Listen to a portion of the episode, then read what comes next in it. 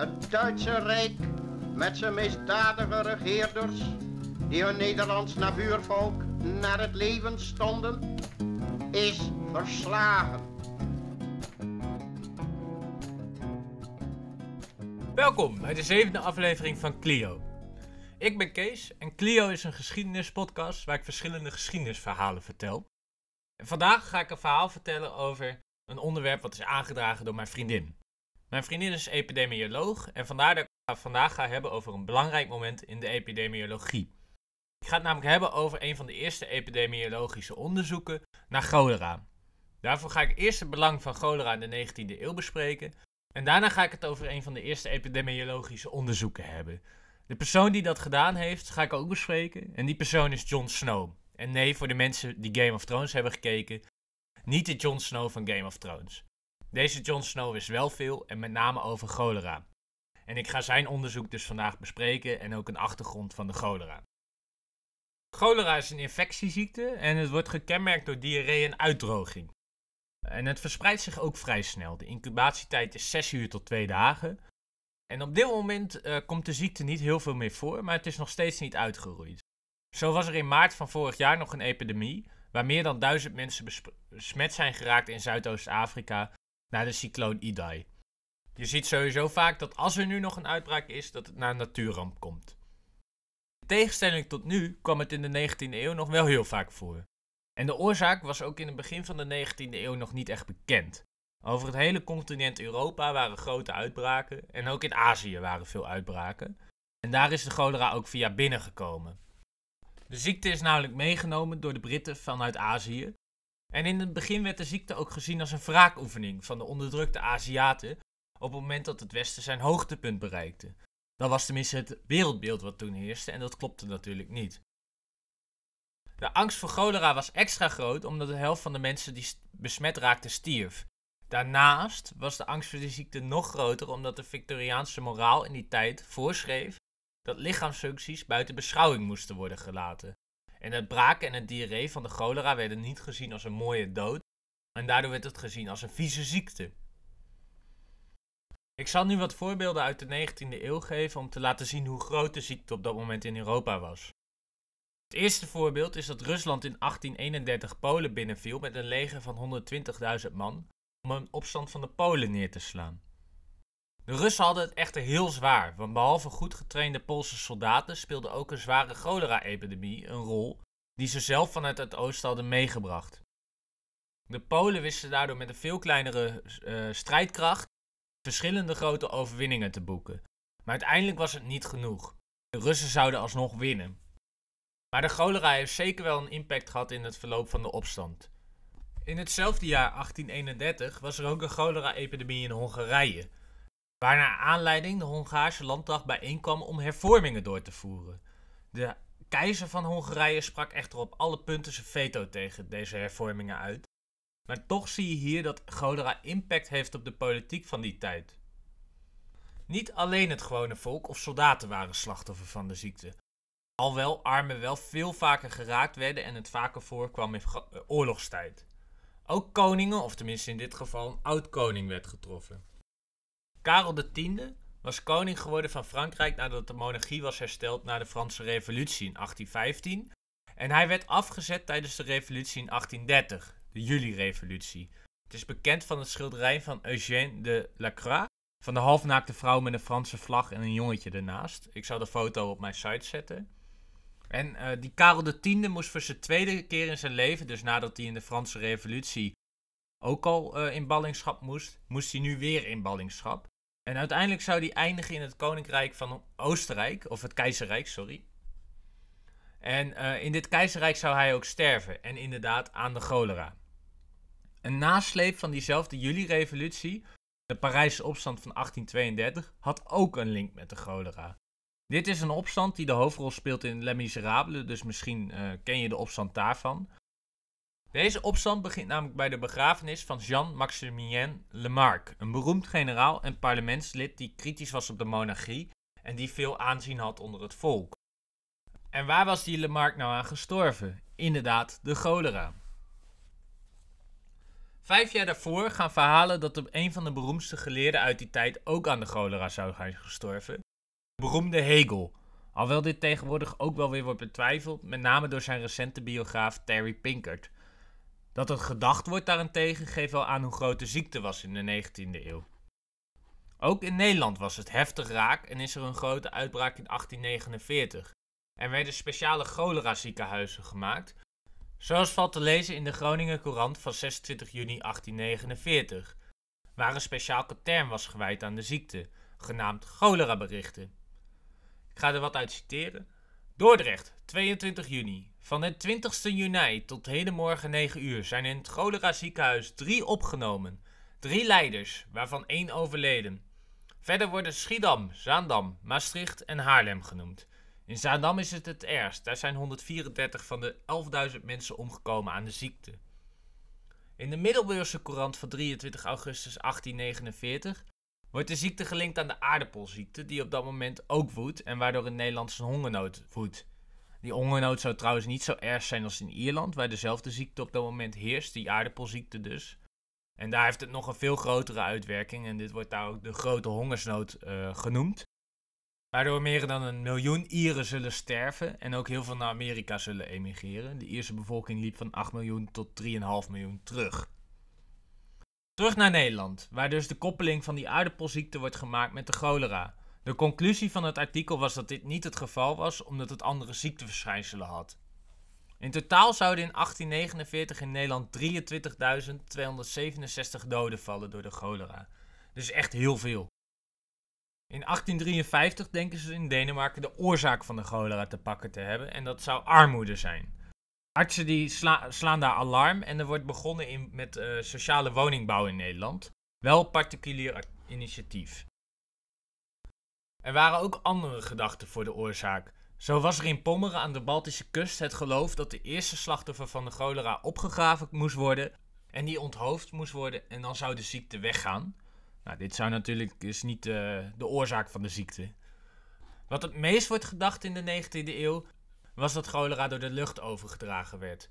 Het probleem was dus echt heel groot in de 19e eeuw en er zijn miljoenen mensen in Europa en Azië gestorven aan de cholera. En cholera werd ook gezien als laatste grote infectieziekte die overwonnen moest worden in Europa. Een van de belangrijke bestrijders tegen cholera was John Snow. John Snow was op 15 maart 1813 geboren in York. Hij kwam uit een vrij arm gezin en zijn vader was mijnwerker. Als klein jongetje was John Snow erg bezig met wiskunde. En in 1827, wanneer hij nog maar 14 jaar oud is, krijgt hij al medische stage. Vrij vroeg dus.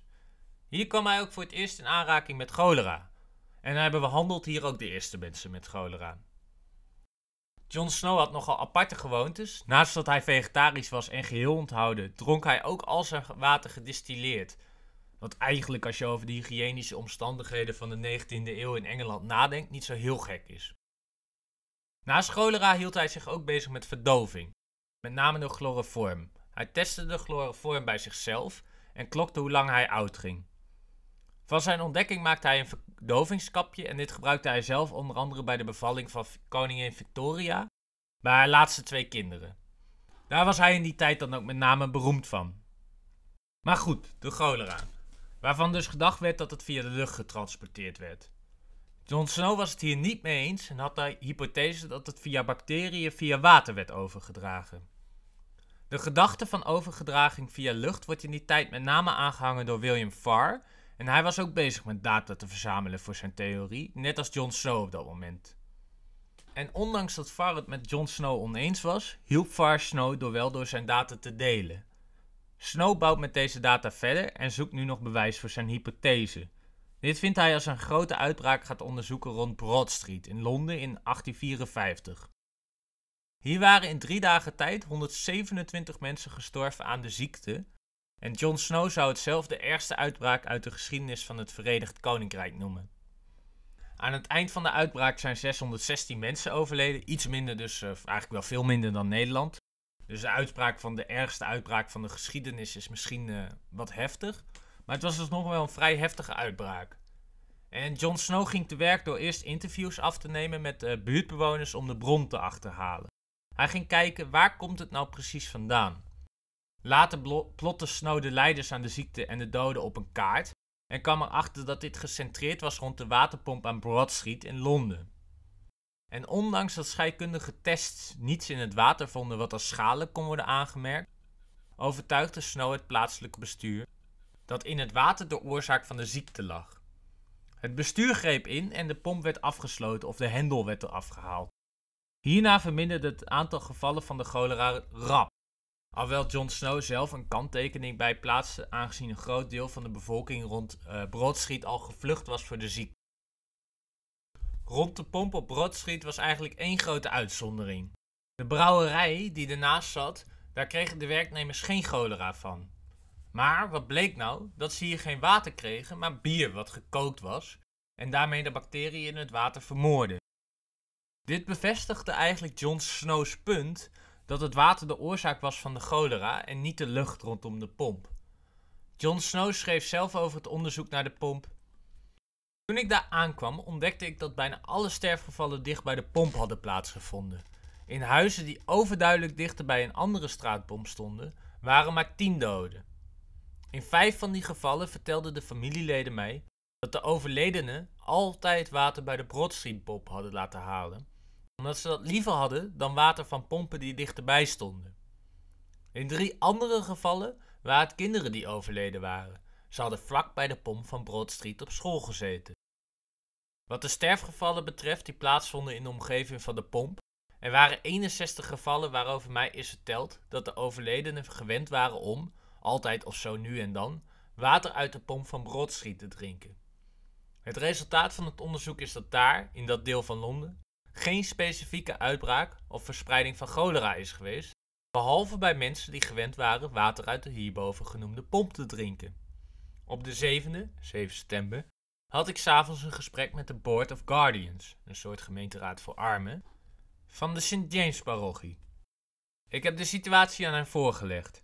Naar aanleiding van wat ik gezegd heb, werd de volgende dag de zwengel van de pomp gehaald. Nou, en zoals bekend zijn de sterfgevallen daarna dus afgenomen. En de kracht van Jon Snow's theorie zat met name in het excluderen van andere mogelijkheden. Zoals de uitzondering met de brouwerij, maar ook mensen die veraf waren gestorven. En alles linkte eigenlijk terug naar die Broad Street pomp. En daarmee kwam je achter de bron van waar uh, de ziekte zich verspreid had. De bron van de bacterie werd later ook nog ontdekt. Want de luiers van een baby die cholera had, werden in een beerput gewassen. En deze beerput lekte in de put bij de Broad Street. Ja, het is dus wel de vieze ziekte.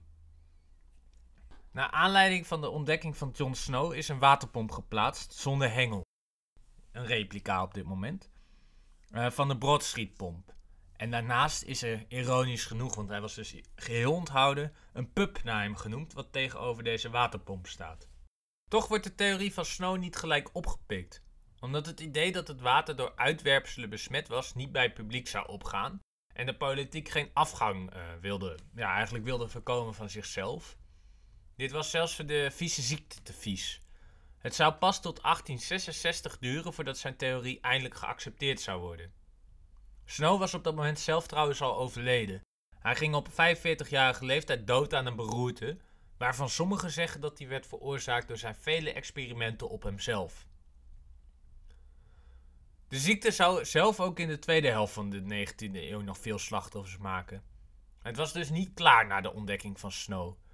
Vooral oorlogen brachten veel uitbraken met cholera met zich mee, zoals de Krimoorlog en de uitbraken in 1866 en 1871, naar aanleiding van de oorlogen over de Duitse eenwording. Wat trouwens nog een keer op de kalender staat om een podcast over te maken. De laatste grote uitbraak in West-Europa was in Hamburg in 1892. Hier was het brakke water in de Elbe en de onhygiënische leefomstandigheden van de Joodse migranten aan de rivier, die ideale omstandigheid voor de bacil om uit te groeien en om zich heen te slaan. In zes weken tijd zouden 10.000 mensen aan de ziekte sterven in Hamburg van de 20.000 die getroffen werden. Dus zoals ik ook al eerder zei, de helft zou ongeveer sterven. Toch moeten we dit in perspectief zien. In de jaren 70 van het midden van de 19e eeuw bedroeg het sterftecijfer 30 op 1000 inwoners. Dit was twee keer zo hoog als in Hamburg in 1892, in het jaar van de epidemie. De medische vooruitgang en de nadruk op hygiëne hadden het sterftecijfer al spectaculair omlaag gebracht in de tweede helft van de 19e eeuw. Ook nam het aantal gevallen van de cholera na 1892 echt scherp af. Met name door de zuivering van drinkwater en ook door de grenscontroles en ontsmetting van treinreizigers. En cholera wordt dan ook gezien als de laatste grote infectieziekte in Europa die overwonnen wordt. Dank voor het luisteren naar Clio en ik hoop dat jullie een leuke aflevering hebben gevonden. En tot de volgende keer.